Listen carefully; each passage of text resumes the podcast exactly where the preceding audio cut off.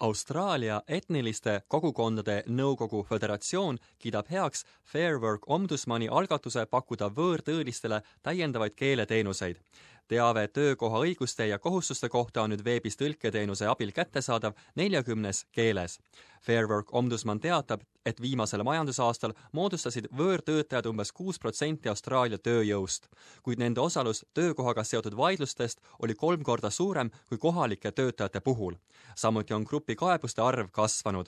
ombudsman Natalie James ütleb, et kõik ei ole tä siiski täiesti negatiivne Well, we know that migrant workers are um, vulnerable and we know that they often struggle to understand what their entitlements are and where they should go for help. We have been seeing a steady increase in complaints from workers who are on visas. I see this as a good thing. It means more visa holders are coming to us for help. Fair Work ombudsmani büroo on oma veebilehel käivitanud teenuse, mis pakub lisaks inglise keelele teavet veel neljakümnes keeles. keeled valiti vastavalt sellele, millise keelegrupi esindajad kõige enam ombudsmani poole on pöördunud. Natalie James selgitab, kuidas teenus töötab We have a custom dictionary, and so all of the specialised technical words, words like award, uh, words like penalty rates, we've gone and got them properly translated into those 40 other languages. And this is in addition to other tools we have available novembrikuus avaldas ombudsman videod kuueteistkümnes erinevas keeles. projekti eesmärk oli tõsta teadlikkust Austraalias kehtivast töökohaseadusest.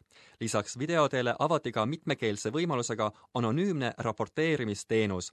Austraalia etniliste kogukondade nõukogude föderatsiooni esimees Mary Patetsos kiidab selle töö heaks Look, I think information um, is a really important thing. People need to have knowledge about their rights and also their responsibilities. So, all that we can do to make sure that people are aware of what is possible, um, what their entitlements are, and how they can um, act and what they need to do as individual workers um, if issues concern them, um, also who they can go to. I think all those things are really important because um, workers who are well looked after and who understand their rights and responsibilities are able to contribute as, as individual workers and also as members of community. Üks tööandja, kes kavatseb oma töötajatele uut projekti tutvustada, on Marta Terraciano. ta saabus Austraaliasse rohkem kui kakskümmend kaheksa aastat tagasi ja on nüüd vanurite hooldekodu tegevjuht.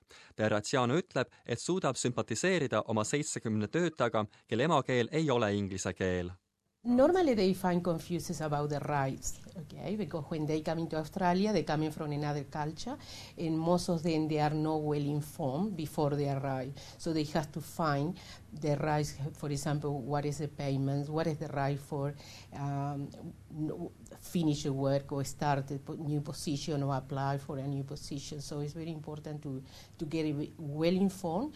The issue is always the language. Language barrier is one of the main things for the staff not to be able to get clear understanding of the law.